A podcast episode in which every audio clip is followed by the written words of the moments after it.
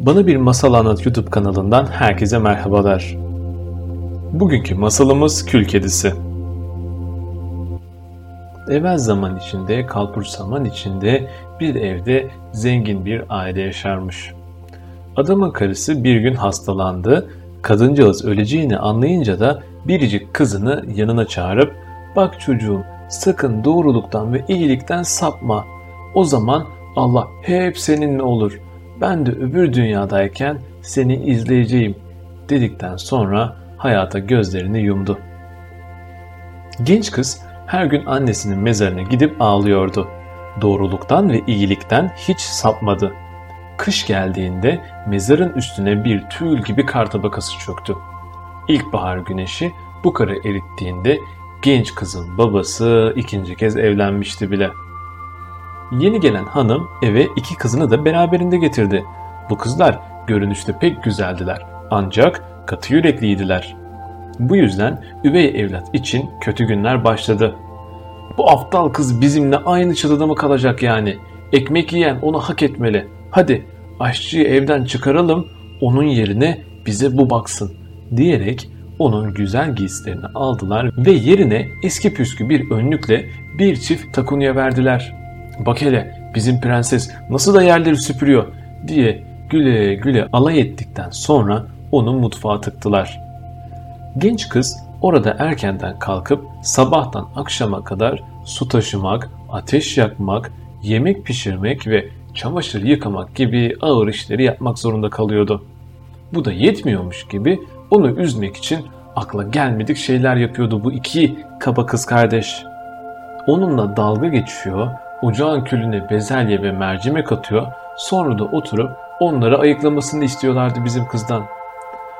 Kızcağız akşamları yorgun argın yatağa bile gidemeden ocağın yanındaki küllerin üzerine uzanı veriyordu. Yani üstü başı hep kül içindeydi ve kirli gözüküyordu. Bu yüzden de ona kül kedisi lakabını taktılar. Hiçbir şeyden haberi olmayan babaları bir gün pazar ayinine gitmek üzere yola çıkmadan önce üvey kızlarına size ne getireyim diye sordu. Biri güzel giysiler, öbürü inci ve elmas istedi. Babası ya sen ne istersin kül kedisi diye sorduğunda genç kız baba bana eve dönerken şapkana takılan ilk filizlenmiş dalı koparıp getirir misin? dedi. Adam üvey kızlarına güzel giysilerle inci, elmas gibi takılar satın aldıktan sonra eve dönerken şapkasına filizlenmiş bir fındık dalı takıldı. Dalı hemen kopararak koltuğunun altına sıkıştırdı. Eve vardığında üvey kızlarına istediklerini kendi öz kızına da istediği fındık dalını verdi. Kül kedisi ona bolca teşekkür ederek hemen annesinin mezarına gitti ve fındık dalını oraya dikerek ağlamaya başladı. O kadar çok ağladı ki gözlerinden akan yaşlar fidanı suladı. Zamanla bu fidan büyüdü ve güzel bir ağaç oldu. Kül kedisi günde üç kez oraya gidiyor, bir yandan ağlıyor ve dua ediyordu. Ancak her seferinde ağaca beyaz bir kuş konuyor ve genç kız ne zaman bir şeyler istese kuş istediğini aşağıya atıveriyordu. Derken o ülkenin kralı 3 gün sürecek bir düğün şenliği düzenledi. Şenliğe hiç evlenmemiş tüm güzel kızlar davet edildi. Böylelikle prens kendine bir eş seçmeyi planlıyordu. Bunu duyunca üvey kardeşlerin yüreği hop etti. Çünkü ikisi de davet edilmişti. Hemen kül kedisini çağırarak saçlarımızı tara, papuçlarımızı fırçala, kemerimizi bağla. Biz kralın sarayına davetliyiz diye emirler yağdırmaya başladılar. Kül kedisi söylenenleri yaptı ama bir taraftan da ağlamaya başladı. Çünkü kendisi de dansa gitmeyi çok istiyordu. Bu yüzden üvey annesinin kendisine izin vermesini rica etti ama üvey annesi kül kedisi üstün başın toprak içinde bu kıyafetle mi şenliğe katılacaksın? Ha? Ne elbisen var ne de ayakkabıların. Bu da yetmiyormuş gibi bir de dans etmek istiyorsun ha? diye azarladı onu. Kızın yalvarışı karşısında ise bak şimdi bir kazan mercimeği küllere döktüm. İki saat içinde onların iyilerini seçebilirsen bizimle gelirsin diye ekledi. Genç kız arka kapıdan bahçeye çıktı ve güvercinler, kumrular, sevgili kuşlar lütfen bana ayıklamada yardım edin diye seslendi. İyileri kazana atın, kötüleri de kursağınıza katın derken iki beyaz güvercin pencere pervazına tüneyi verdi. Ardından kumrular çıka geldi. Daha sonra gökteki tüm kuşlar cıvıldayarak kül yığınının başına geçti. Güvercinler ve öteki kuşlar başlarını küle soktu, mercimekleri gagalayarak iyileri kazana attılar. Aradan bir saat geçmişti ki işleri bitti ve hepsi oradan uçup gitti. Genç kız kazanı üvey annesine götürdü, böylece düğüne gidebileceğini sanmıştı. Ama Cadalos kadın, olmaz kül kedisi, senin gidecek elbisen yok, üstündekilerle dans da edemezsin, herkes sana güler, dedi ve kız ağlayınca, bak şimdi inatçı kız, eğer iki kazan mercimeği bir saat içinde ayıklarsan bizimle gelebilirsin diye ekledi. Ve bunu nasıl olsa yapamaz diye geçirdi içinden. İki kazan mercimeği küllerin içine yine boşalttı. Genç kız hemen arka bahçeye çıkarak güvercinler, kumrular, öteki öbür kuşlar hadi bana yardıma gelin lütfen diye seslendi. İyileri kazana atın, kötüleri kursağınıza katın. Hemen mutfak penceresine iki tane beyaz güvercin ardından da iki kumru kondu. Sonra gökteki öbür kuşlar cıvıldaşarak kül yığınının başına geçti. Güvercinler ve diğer kuşlar başlarını küle soktu ve gagalarıyla seçtikleri iyi mercimekleri kazana doldurmaya başladılar. Yarım saat geçmemişti ki işleri bitti ve hepsi uçuşup gittiler. Bunun üzerine genç kız kazanı üvey annesine götürdü ve yine onlarla düğüne gidebileceğini sandı. Ama kadın boşuna uğraşma sen gelmiyorsun giyecek elbisen yok ki üstündekilerle dans edemezsin bizi utandırırsın dedi ve sırtını dönerek kibirli kızlarıyla birlikte çekip dansa gitti. Evde kimse kalmayınca kül kedisi annesinin fındık ağacının altındaki mezarına giderek şöyle seslendi. Ey ağaç sallan silkelen altınla gümüş olsun gelen. Bunun üzerine bir kuş ona altın ve gümüşten bir elbiseyle ipek ve gümüş işlemeli bir çift papuç attı. Genç kız hemen bunları giyerek şenliğe gitti. Üvey kardeşleriyle üvey annesi bile onu tanıyamadı salonda.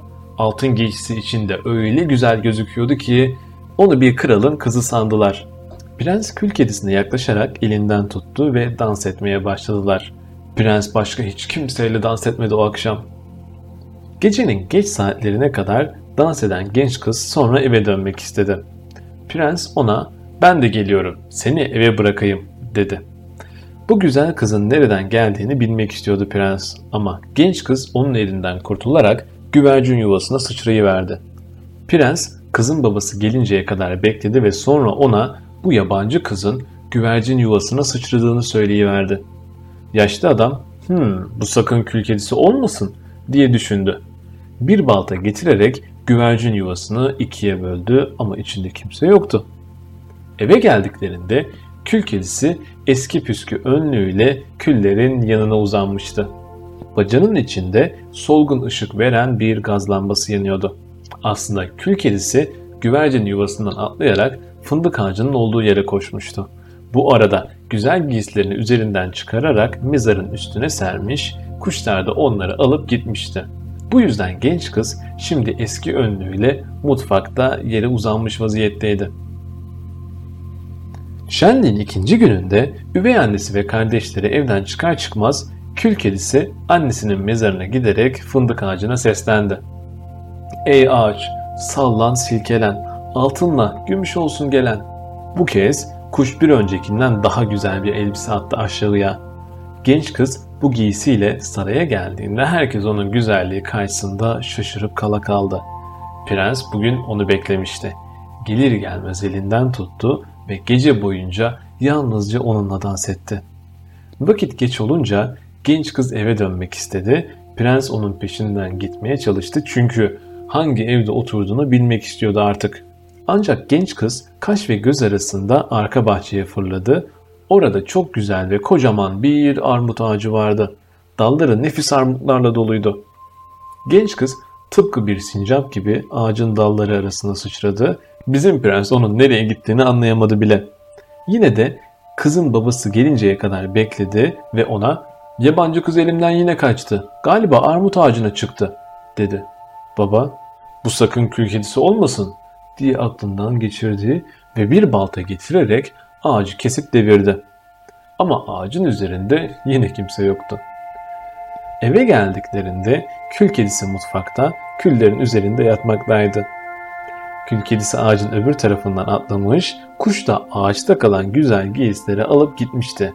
Genç kız da çoktan eski önlüğünü giyip küllerin yanına uzanmıştı.